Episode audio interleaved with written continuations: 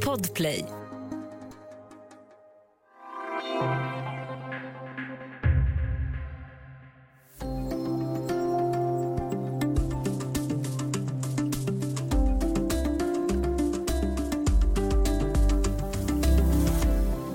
Orkanen Ida slår in mot New Orleans 16 år efter Katrina.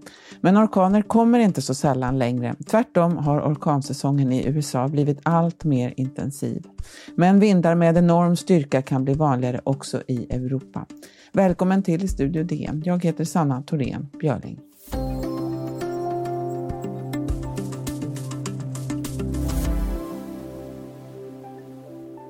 När orkanen Gudrun hade dragit fram i Mellansverige i januari 2005 så vet jag en person som var på landet. Han hade gått och lagt sig, men kanske inte sovit så mycket eftersom takpannorna flög. På ena sidan av huset så var det en trädgård och öppna fält och på den andra var det en väg och en skog. Och sen när det ljusnade och hade mojnat morgonen därpå så gick han ut på vägen och konstaterade att han för första gången i livet hade fått morgonsol. Skogen var borta. Med oss för att prata om hårda vindar har vi idag DNs klimatredaktör Peter Adestig. Välkommen! Tusen tack! Du, vad är en orkan för något? Alltså det beror ju faktiskt helt på vilken typ av orkan man pratar om. Nu pratar du om Gudrun här precis och det är ju, då pratar man bara om att det är vindar som är över 33 meter per sekund ungefär. Eh, då klassas det som orkanstark vind helt enkelt.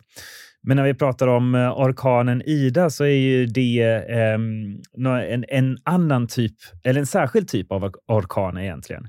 Det vetenskapliga namnet är snarare tropisk cyklon eh, och den typen av eh, väderfenomen bildas på lite olika platser i världen, inte då här i, i Europa. Inte ännu så mycket i alla fall. Vi, ska åter, vi kan väl återkomma till det senare. Men när det gäller orkanen Ida så, och den här typen av eh, tro, eh, tropiska cykloner så är det en typ av vädersystem som kräver väldigt speciella förhållanden för att de ska bildas. Och det är det som eh, man ser.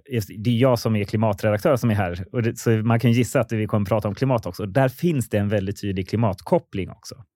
Bilderna från de senaste månaderna eh, från till exempel USA, då, de är ju, ibland känns det som att de är svåra att skilja, skilja åt, för det är ju ofta hus utan tak och det är översvämningar och det är träd som plockar pinn.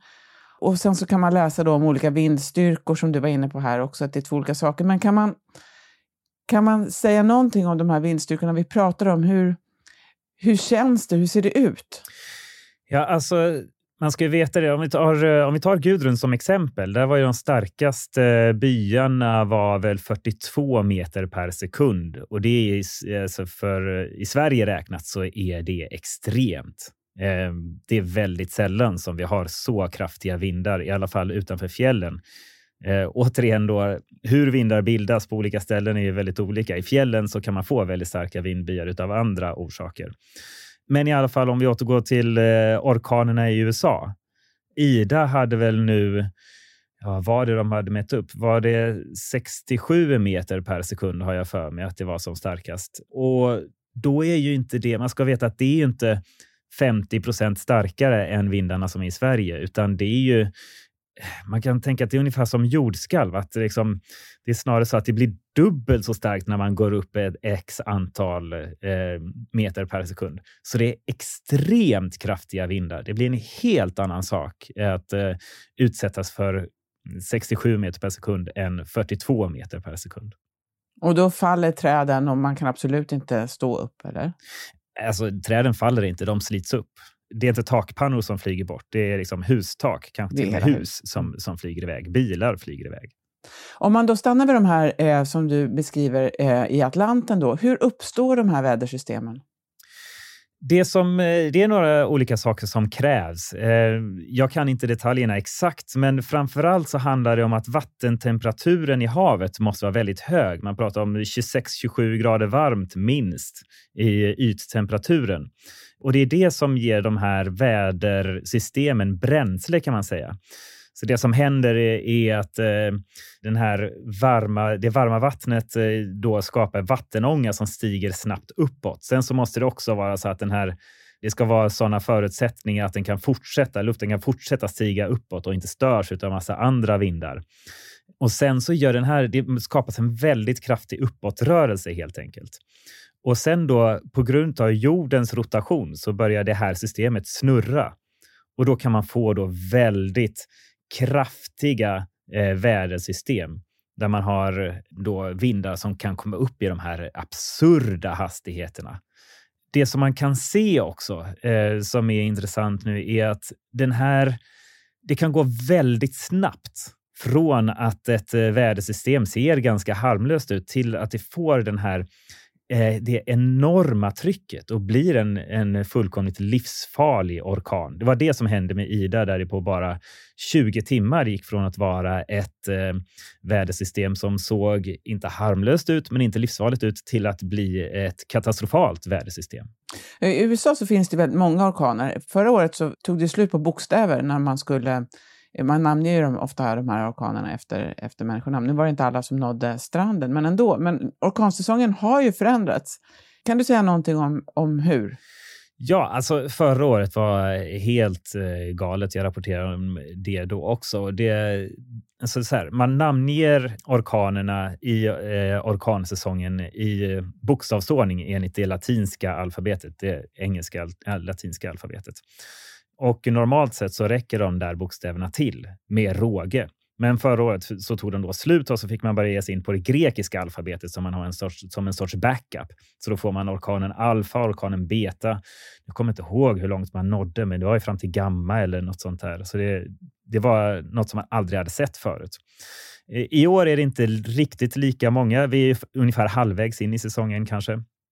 Ehm, det ser ut att bli kanske 21, 20 orkaner enligt de senaste prognoserna som jag kikade på. Och, men det är väldigt ovanligt att det är så många två år i rad, ska man veta. Jag ska, just det, en liten rättelse där. Jag säger att det är orkaner. Det är tropiska, namngivna tropiska stormar. De behöver inte komma upp i orkanstyrka för att få namn.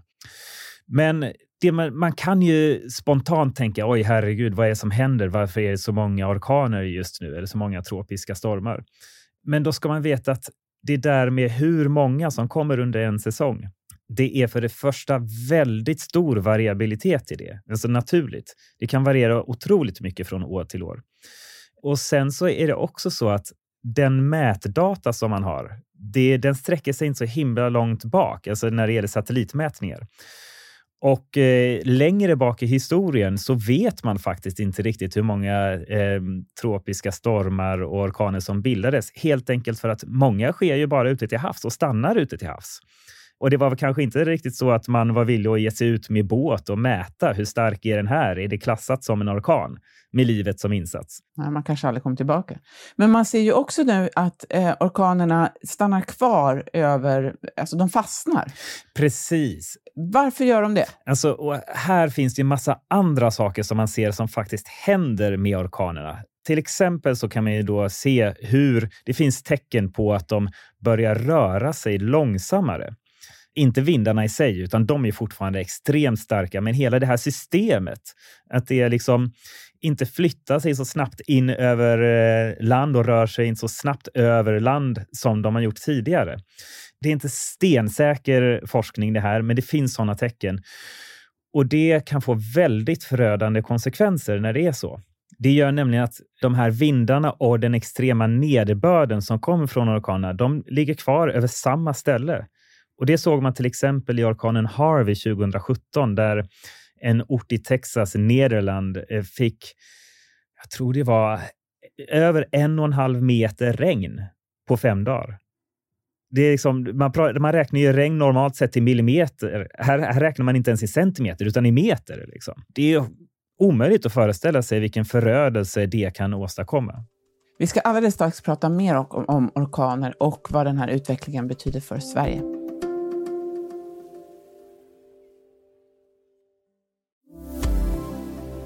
Studio DN idag med Peter Alestig, DNs klimatredaktör. Vi pratar om orkaner.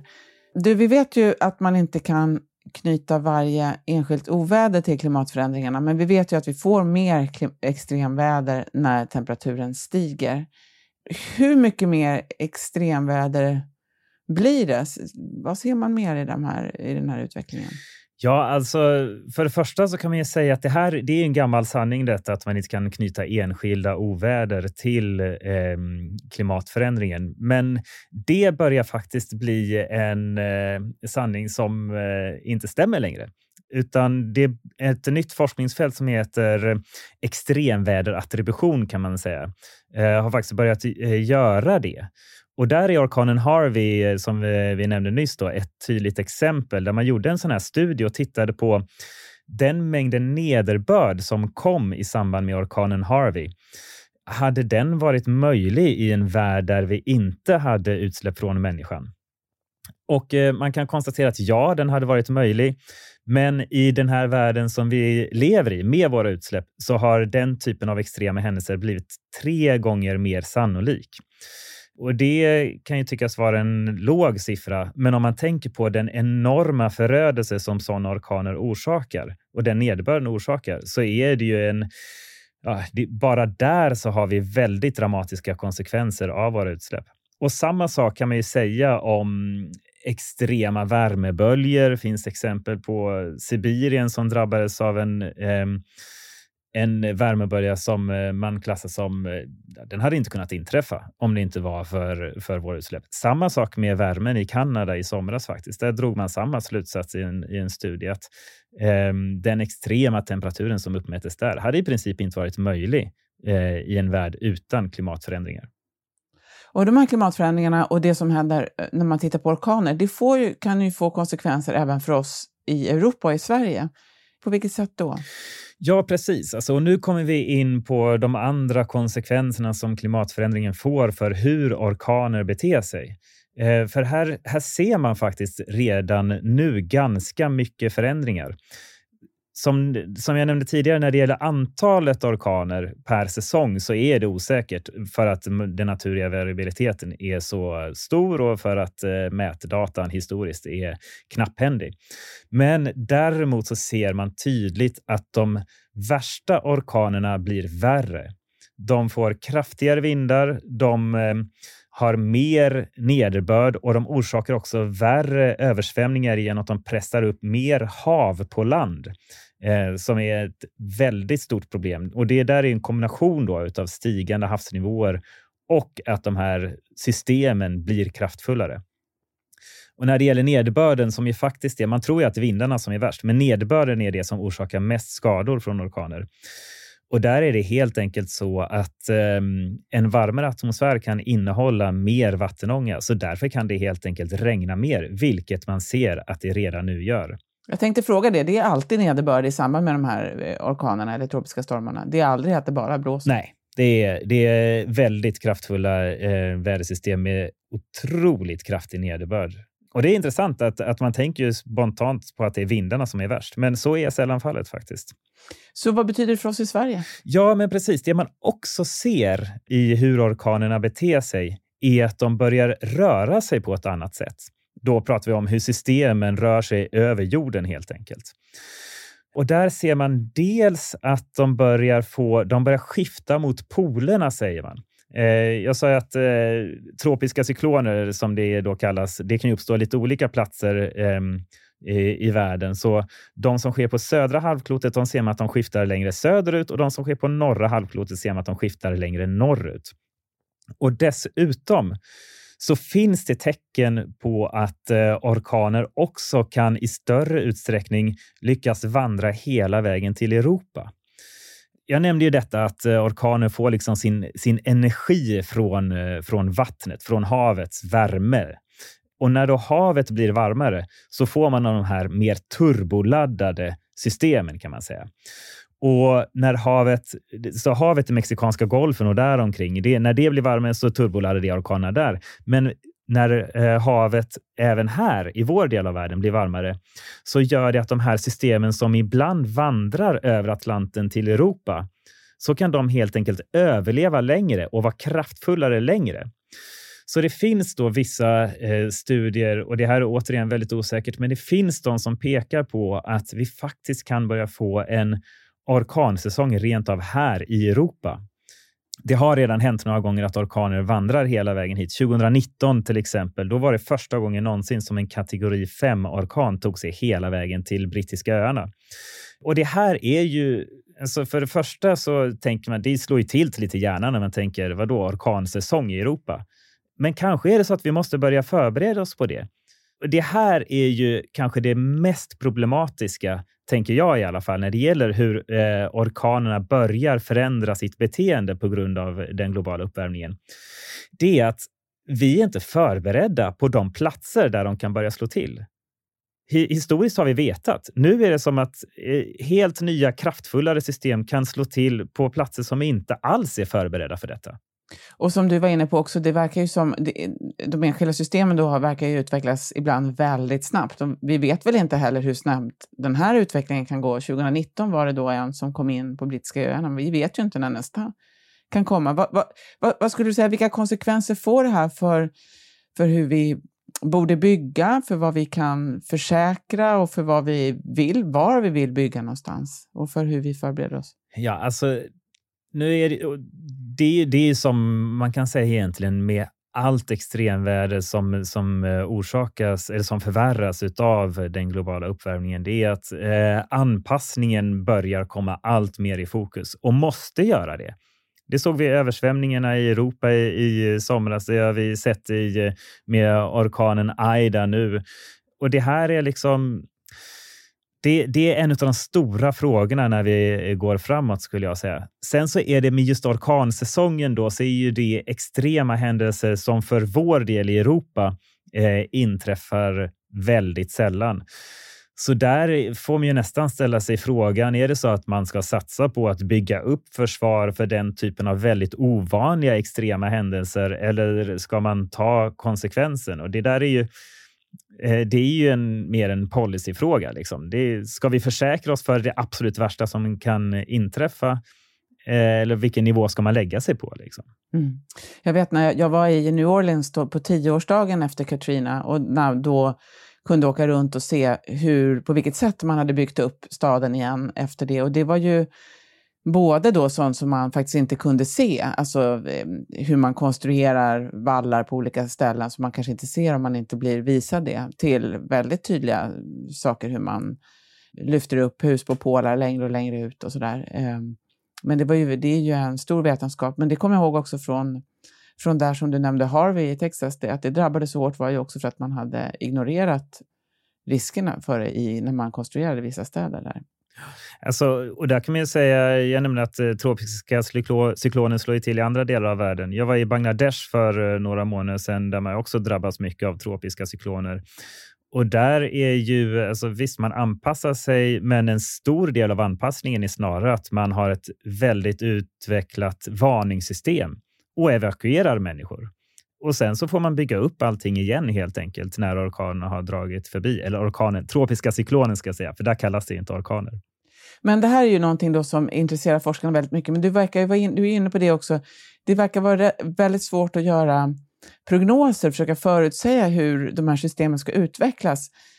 Har det också förändrats? Alltså hur, har det blivit svårare och svårare att göra prognoser och hur, hur kommer det sig?